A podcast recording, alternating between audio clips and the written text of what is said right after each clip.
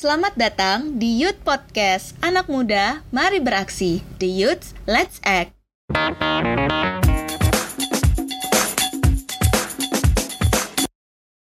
Kamu tahu nggak sih kalau pandemi COVID-19 telah mempengaruhi kehidupan sosial dan ekonomi, mengubah struktur institusi ekonomi, politik, dan keuangan global? Di Indonesia, pembatasan sosial berskala besar adalah salah satu upaya yang dilakukan oleh pemerintah nih untuk menekan penyebaran COVID-19. Namun, kondisi ini semakin menambah daftar panjang tantangan yang dihadapin oleh anak muda khususnya.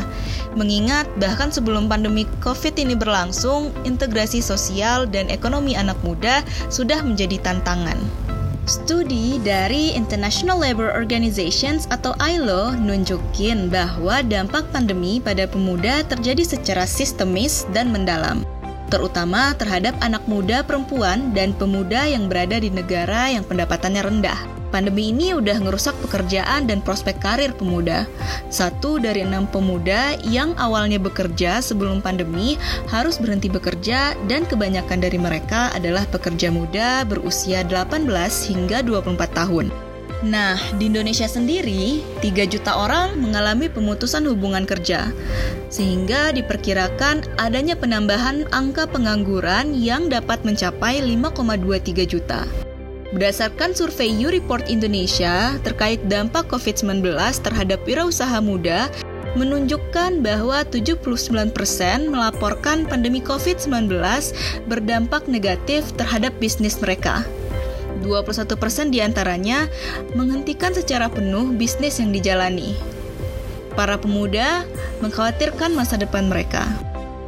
Meskipun begitu, Mau tidak mau, anak muda dituntut untuk menghadapi tantangan ini. Karena itu, pada podcast ini kita bakal dengerin kisah anak muda Indonesia dalam menghadapi situasi pandemi COVID-19 yang berdampak pada penghidupannya. Setiap topik akan bercerita hal yang berbeda, bagaimana anak muda sebagai pelaku usaha beradaptasi dan melihat peluang baru, hingga bagaimana model bisnis yang mereka jalani tidak hanya menguntungkan mereka, tetapi juga usaha mikro dan kecil di komunitasnya. Pertama, kita mulai dari Kabupaten Muna, Sulawesi Tenggara. Muslimin, seorang mahasiswa yang menjalani bisnis hidroponik. Assalamualaikum warahmatullahi wabarakatuh. Perkenalkan, nama saya Muslimin. Saya berasal dari Desa Labulu-Bulu, Kecamatan Parigi, Kabupaten Muna, Sulawesi Tenggara. Saya adalah salah satu mahasiswa di perguruan tinggi negeri yang ada di Sulawesi Tenggara. Di sini, saya ingin bercerita sedikit tentang bisnis yang saat ini saya jalani. Jadi, bisnis yang saya jalani saat ini adalah tanaman sayuran dengan sistem hidroponik. Alasan saya kenapa saya memilih tanaman hidroponik ini, yang pertama adalah masyarakat Sulawesi Tenggara mulai sadar bahwa sayuran-sayuran yang ada di pasaran itu banyak mengandung pestisida. Maka dari itu, mereka ingin beralih bagaimana caranya mengonsumsi sayuran-sayuran sehat tanpa pestisida tetapi untuk mendapatkan makanan tersebut sangatlah susah. Maka dari itu, saya berinovasi membudidayakan tanaman organik dengan sistem hidroponik di mana tanaman ini tidak mengandung pestisida juga dengan memanfaatkan lahan-lahan yang sempit tetapi uh, memiliki hasil yang cukup besar. Itu adalah uh, bisnis yang saya jalani sebelum adanya pandemi. Tetapi dengan adanya pandemi COVID-19, maka dampaknya sangat besar sekali terhadap usaha saya, di mana yang dulunya permintaan pasar itu sangat meningkat, permintaan konsumen itu sangat meningkat. Tetapi dengan adanya eh, pandemi, eh, permintaan pasar itu mulai berkurang. Bahkan saya sampai dua kali itu produk saya itu tidak terjual, tidak memiliki harga jual. Nah, di situ juga saya berpikir saya harus memulai apakah saya mau melanjutkan usaha saya atau tidak. Saya sempat berpikir saya akan menghentikan usaha saya. Tetapi saya di situ juga berpikir, ah tidak, saya tetap lanjutkan. Maka sayuran yang tadinya tidak terjual, saya bagikan kepada orang-orang yang membutuhkan. Saya bagikan secara gratis. Ternyata di situ ada kepuasan tersendiri Artinya apa? Dengan bisnis kita, kita mampu meringankan beban orang-orang yang betul-betul membutuhkan karena kita betul-betul tahu seperti apa dampak COVID-19 ini, apalagi bagi masyarakat. Nah, setelah saya bagi-bagi secara gratis, ternyata saya menemukan inovasi baru. Saya kemudian membagi-bagikan uh, sayuran saya dengan membuatkan uh, logo. Logo tersebut adalah logo sayuran organik di mana di dalamnya itu tertulis dengan nomor HP saya untuk pemesanan antar. Dengan inovasi tersebut, permintaan pasar sudah mulai normal, sudah mulai meningkat sampai sekarang ini. Uh, melihat ke depannya setelah pandemi COVID-19 ini selesai, saya yakin bahwa bisnis ini akan terus berlanjut, bahkan akan terus berkembang. Sebab walaupun saat ini kita melihat saat ini bahwa pandemi masih ada, tetapi untuk permintaan di pasaran itu sudah mulai normal. Apalagi kalau setelah pandemi, pasti itu per permintaan akan semakin meningkat karena kesadaran masyarakat uh, mulai terbiasa dengan adanya pandemi ini di mana dianjurkan untuk mengonsumsi makanan-makanan sehat, terutama sayuran-sayuran sehat yang bebas dari pestisida atau bahan kimia yang berbahaya yang terdapat pada sayuran maupun buah-buahan. Dan yang ingin saya sampaikan kepada teman-teman, khususnya para pemuda, Teruslah berkarya, teruslah berinovasi untuk menemukan hal-hal yang baru. Teruslah berjuang untuk menggapai apa yang kita inginkan. Sebab kita tidak akan gagal kalau kita terus berjuang. Sebab kalau kita berhenti berjuang maka kita akan gagal. Mungkin teman-teman saat ini sudah tidak lagi menjalankan usahanya. Tetapi teman-teman harus mampu menemukan inovasi baru agar usaha teman-teman itu bisa berjalan. Karena sesuatu yang ditakdirkan untuk kita sampai kapan pun tidak akan pernah menjadi milik orang lain. Orang lain mungkin bisa meniru bisnis kita, tapi satu hal yang perlu teman-teman ingat, sampai kapan pun orang lain tidak akan pernah bisa meniru rezeki kita. Karena rezeki kita itu sudah diatur oleh Yang Maha Kuasa, tergantung bagaimana caranya kita menjemputnya. Maka dari itu kita melangkah dengan bismillah baru kemudian mengucapkan alhamdulillah. Bagaimana kita mengucapkan alhamdulillah kalau kita tidak bismillah? Maka dari itu melangkah dulu, mencoba dulu kalau misalnya kita gagal, dari situlah kita belajar bahwa dari kegagalan tersebut kita mampu menemukan dan mendapatkan inovasi baru apa yang harus dirubah, apa yang harus diperbaiki agar oh, bisnis kita itu akan menjadi lebih baik ke depannya. Selanjutnya kita ke Indramayu, Jawa Barat. Kita bakal dengerin cerita dari Fatma, seorang pemuda pelaku usaha mikro kecil menengah atau UMKM di mana Fatma mencari strategi baru untuk memasarkan beberapa produknya. Kui disimak.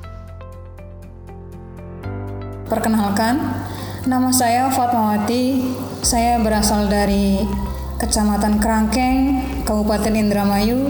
Umur saya saat ini yaitu 29 tahun. Saya sebagai dampingan wirausaha program EYW yang dilaksanakan oleh IBL di sini saya sebagai pelaku ekonomi UMKM Indramayu, saya juga sebagai guru muda Indramayu. Selain itu, saya juga mempunyai bisnis usaha namanya usaha FRK Snack. Di dalamnya terdapat FRK Julid, FRK Fruit, FRK Entertain, dan FRK Bimbel.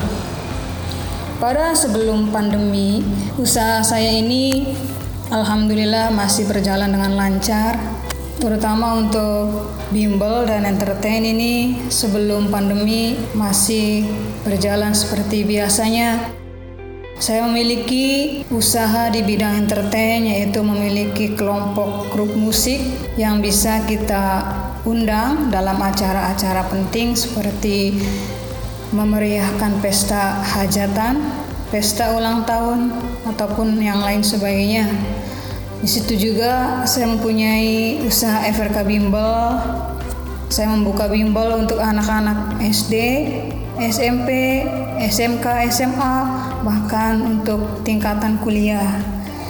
Bertempat di rumah saya yaitu di Kecamatan Kerangkeng, Kabupaten Indramayu. Di situ saya mengajarkan tentang materi-materi yang dibutuhkan anak sekolah, terutama dalam materi pelajaran matematika. Selain guru matematika Indramayu, saya juga sebagai pembisnis anak muda khususnya untuk penjualan-penjualan produk UMKM. Di saat pandemi COVID-19 hadir di tengah-tengah kita, kurang lebih beberapa bulan terakhir, usaha saya ada beberapa yang off dulu seperti FRK Entertain dan FRK Bimbel karena tidak memungkinkan untuk saling bertatap muka ataupun berkumpul. Untuk FRK Bimbel, tempatnya berada di lokasi Desa Kedungwungu, Kerangkeng, Indramayu.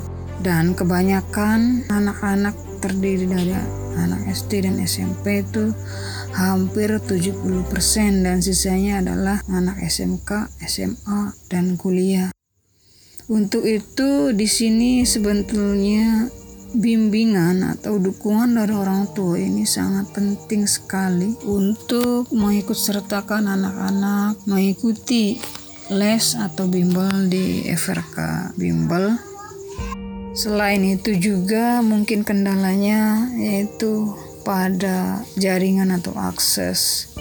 Kalaupun kita lewat online, kami di sini merasa kesulitan terutama untuk jaringan. Ditambah lagi untuk anak-anak di sini ini masih banyak yang belum memiliki atau belum ada alat untuk melakukan pembelajaran online seperti HP ataupun laptop. Selain itu juga sebetulnya ini anak-anak di sini masih kurang dalam hal minat belajarnya. Dengan demikian, ketika saya sudah mengoffkan dulu FRK Bimbel, lalu kemudian ketika saya ingin kembali untuk memulainya, maka di sini sangat merasa kesulitan karena beberapa faktor tadi. Produk saya FRK Snack, FRK Julid ini yaitu pasar utamanya adalah anak-anak usia sekolah, usia remaja, bahkan juga anak-anak balita juga. Karena adanya pandemi ini, maka usaha saya sebenarnya agak menurun untuk pendapatannya bisa dibilang lumayan menurun drastis. Karena kenapa?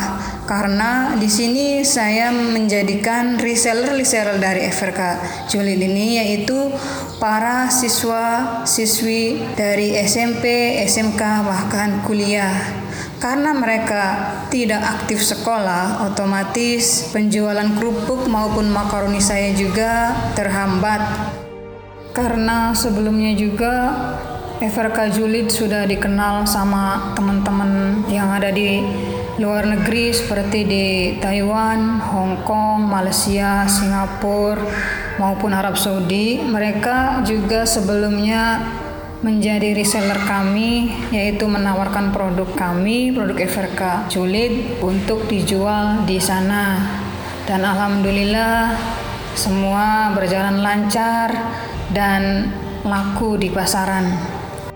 Mungkin karena adanya pandemi ini juga para teman-teman yang ada di luar negeri sana jadi agak enggan untuk menjualnya kembali ke teman-teman yang ada di luar negeri sana.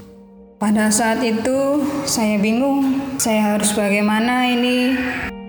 Ternyata pendapatan mulai menurun, aktivitas anak-anak sekolah juga diliburkan. Saya merasa agak pesimis juga sebelumnya. Namun setelah saya punya tekad, punya inspirasi atau punya kemauan, ketika kita berusaha itu pasti akan ada jalannya.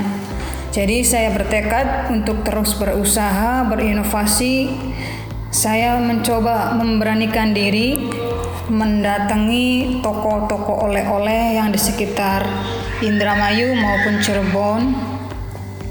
Saya tawarkan langsung sama orang pemiliknya dan alhamdulillah dari situ juga saya bisa memasarkan kembali hasil produk saya yaitu FRK Snack yang terdiri dari kerupuk julid, makaroni julid, sambal kering terasi khas Indramayu dan rasa kacangnya juga serta intriwili yang rasa manis dan asin.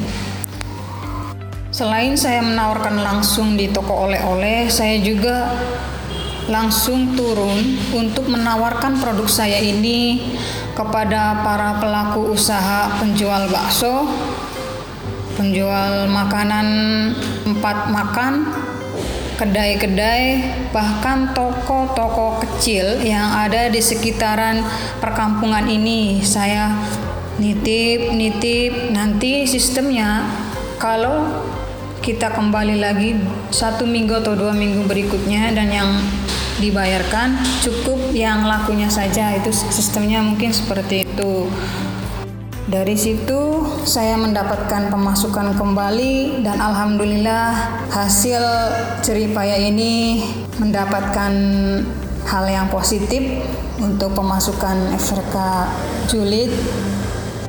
Dan saya berharap untuk kelanjutan bisnis saya ke depannya, saya ingin memasarkan langsung ke toko-toko swalayan seperti Indomar, Alfamart, bahkan masuk ke mall-mall yang ada di sekitar Indramayu.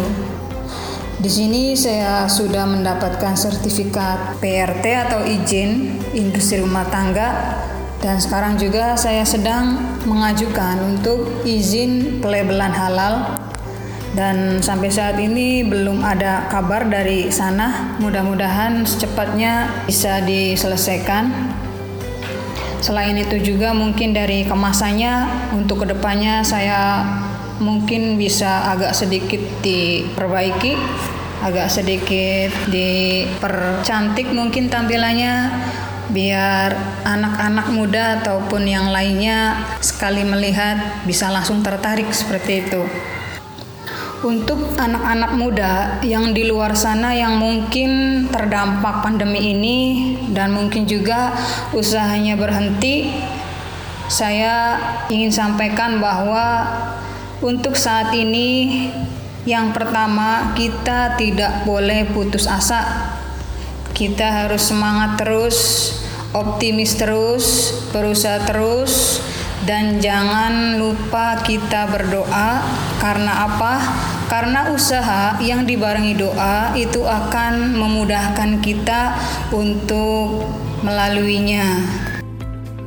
Untuk anak-anak muda di wilayah Indramayu, khususnya atau umumnya di Indonesia, semuanya berkesempatan melakukan inovasi-inovasi yang sekiranya dapat membantu rekan-rekan atau teman-teman di luar sana untuk terus mengembangkan bisnisnya menjadi lebih baik lagi daripada sebelumnya karena semua butuh proses, butuh kerja keras, butuh kerja cerdas dan butuh semangat teman-teman semuanya.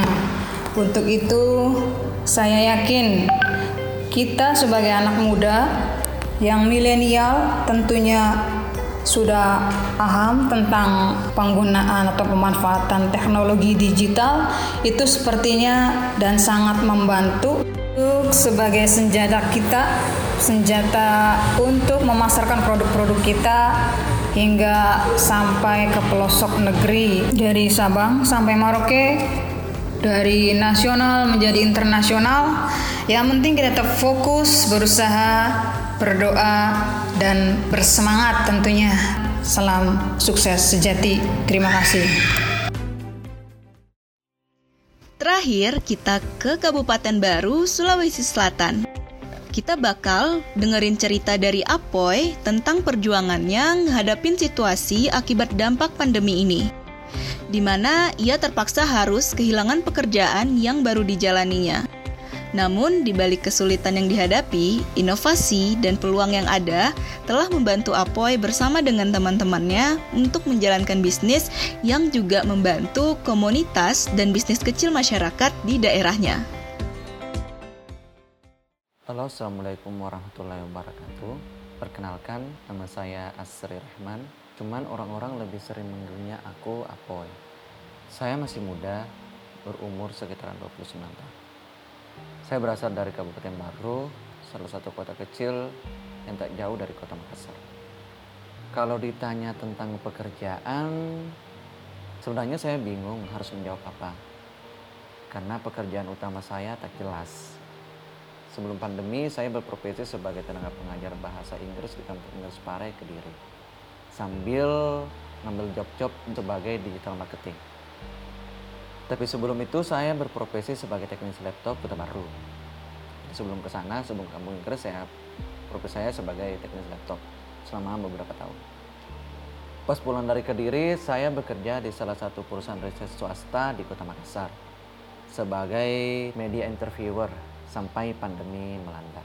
Oh iya, saya saat bekerja sebagai interviewer sebelum COVID, karena kebetulan saya diterima kerja sebulan sebelum awal penyebaran COVID di Makassar. Saat itu semua normal-normal saja. Sialnya, saat usia kerja saya baru sebulan di perusahaan itu, pandemi merajai sudut kota Makassar. Dan alhasil pekerjaan saya pun terbengkalai karena urgensi di lapangan. Ya maklumlah kita harus interview di lapangan. Puncaknya di bulan kedua, saya harus dirumahkan tanpa kerja apa pun. Ya saya kecewa dong dan serta bingung mesti ngapain. Akhirnya saya balik ke kampung halaman untuk nyari aktivitas sekalian kumpul Ramadan dengan keluarga. Nah saat di kampung kerjaan saya cuma uh, pantengin dunia digital ya kalau nggak rebahan ya sesuai dengan slogan waktu itu di rumah aja stay at home gitu hari demi hari ya rebahan terus capek juga ternyata lalu aku mikir ini ternyata nggak benar maksudnya gitu ya nggak ada pendapatan dari sektor apa pun pemasukan freelance sebagai tutor bahasa Inggris juga nggak ada sedangkan ya like must go on gitu so aku mikir gitu mikir keras gimana caranya biar dapat penghasilan di tengah pandemi. Alhasil dua, mikir, dua hari mikirin itu tak nemu-nemu jawaban. Sampai pada suatu hari kakakku minta tolong untuk dibelikan takjil di pasar takjil. Karena di sini biasanya tuh ada uh, spot-spot tertentu ketika Ramadan kita bisa uh, beli takjil di pasar takjil kalau sore hari. Aku keluar tuh sambil ngamatin kehidupan masyarakat di tengah pandemi.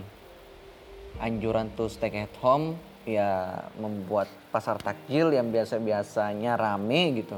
Tahun-tahun tahun-tahun itu rame malah jadi sepi pembeli. Nah itu yang kulihat sih yang aku amati ketika keluar lalu aku e, ngomong nih kenapa nggak sekalian buka jasa kurir aja ya untuk nganter takjil ini? Itu pikirku nih kan protokolnya nganjurin untuk tinggal di rumah. Lagian kasihan kan penjual penjual pelapak-pelapak kecil gitu. Mereka juga ngarepin income dari penjualan takjil ini seperti tahun-tahun sebelumnya. Ya, aku diam sejenak. Terus mikirnya, semua butuh pemasukan buat makan kan? Ah, bukan cuma gue nih, bukan cuma saya nih. Semua pun waktu di pandemi kan semua butuh makan, apalagi yang udah dirumahkan kayak kayak aku gitu.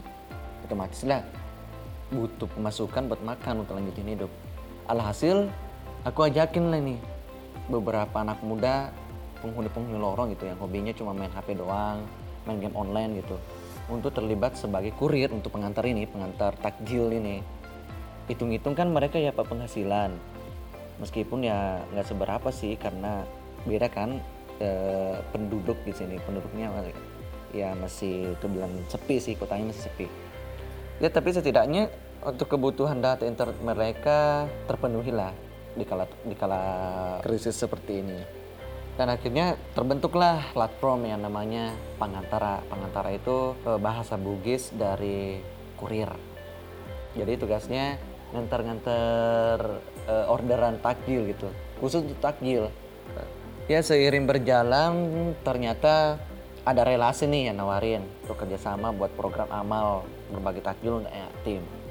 Ya pada waktu itu saya juga sebagai kurir nggak mikir panjang dong kita buatlah sistemnya kayak gimana jadi sistemnya itu jadi kita buka donasi 2000 untuk membeli takjil buat anak-anak yatim panti asuhan nah dari program itu kita bantu banyak pihak itu itu kan ngamal gitu mulai dari anak yatim kita bantu sup, uh, supply kebutuhan kebutuhan buka puasanya terus pelapak-pelapak kecil kita bantu dengan dagangannya kita beli gitu. Dan anak-anak muda kita bantu juga gimana supaya mereka produktif, mendapatkan mendapatkan penghasilan tambahan. Sekarang masa new normal ini saya dan teman-teman itu beralih ke marketplace. Tapi uh, si kurir ini pengantar ini tetap jalan. Cuman teman-teman yang lain yang uh, ambil alih gitu. Jadi sekarang saya teman-teman yang lain itu yang lain di luar dari kurir ini itu beralih ke marketplace. Jadi sistemnya hampir sama dengan kurir tadi. Di mana supaya hadirnya kami selain berbisnis juga dapat membantu masyarakat kecil. Jadi kami di marketplace ini kami mencari pelaku UMKM di pelosok-pelosok nih dan membantu mem mempacking ulang, merepackaging begitu, merepackaging produk mereka sebagus mungkin lalu kami bantu menjualkan dengan sistem penjualan digital marketing. Jadi kita cari UMKM gitu. Nah, meskipun yang terdata sudah yang sudah terdata sebagai UMKM di di Perindak ataupun tidak itu yang baru buka usaha, jadi kita data kita datangi kita berikan penawaran gimana kalau kami menjualkan produknya. Hitung itu kan kita bantu mereka. Tapi juga kita membantu untuk kemasannya supaya gimana kemasannya itu lebih bagus lagi dan dan uh, uh, harga value dari produk ini bisa naik gitu bisa up. Jadi dengan sistem itu kami dapat penghasilan mereka pun begitu. Nah kita juga kerjasama dong dengan dengan uh, kurir-kurir tadi ini. Gitu. Jadi sebenarnya jika berbicara tentang penghasilan di era pandemi itu ya kembali ke diri kita masing-masing sih. Jika kita peka dengan sekitar, insya Allah akan ada jalan untuk itu. Selama kita terus bergerak untuk terus menjalani hidup, akan ada jalan lah. Jadi bukan cuma kerjaan kita cuma mengeluh doang dan keadaan kenapa mesti covid, kenapa mesti ini enggak jadi kita harus terus belajar untuk terus menghadapi menghadapi situasi, bukan mengeluh dengan situasi. Pandemi juga ini mengajarkan kita untuk terus belajar tentang hal-hal yang baru, berinovasi dengan hal-hal yang baru. Mungkin kemarin saya seorang ini, tapi ketika pandemi ya, ketika pekerjaan saya tidak tidak bisa memenuhi kebutuhan hidup saya, ya otomatis saya harus belajar hal-hal yang baru untuk menghasilkan uang gimana caranya supaya hidup terpenuhi. Oke, mungkin hanya itu yang bisa aku bagi di cerita kali ini. Terima kasih telah mendengarkan. Sampai jumpa. Nah, kita udah dengerin tiga cerita dari anak muda di Indonesia, Fatma, Muslimin, dan Apoy yang berjuang hadapin situasi pandemi COVID-19 dengan beradaptasi melalui inovasi dan kreativitas mereka situasi sekarang gak akan kembali nih seperti situasi sebelum pandemi ini ada. Karenanya, pihak terkait, baik individu, komunitas, institusi atau lembaga hingga negara diharapkan semakin menyadari sepenuhnya atas peran, keterlibatan, dan partisipasi anak muda. Dan terima kasih buat Fatma, Muslimin, dan Apoy yang sudah bersedia berbagi ceritanya. Podcast ini nggak mungkin ada tanpa keterlibatan dan partisipasi teman-teman semua. Tetap semangat dan tetap berbuat baik. Semoga apa yang disampaikan oleh teman-teman pada hari ini menjadi motivasi ataupun inspirasi bagi teman-teman lainnya untuk terus optimis dan menghadapi tantangan yang ada saat sekarang ini. Anak muda, mari beraksi. The youth, let's act.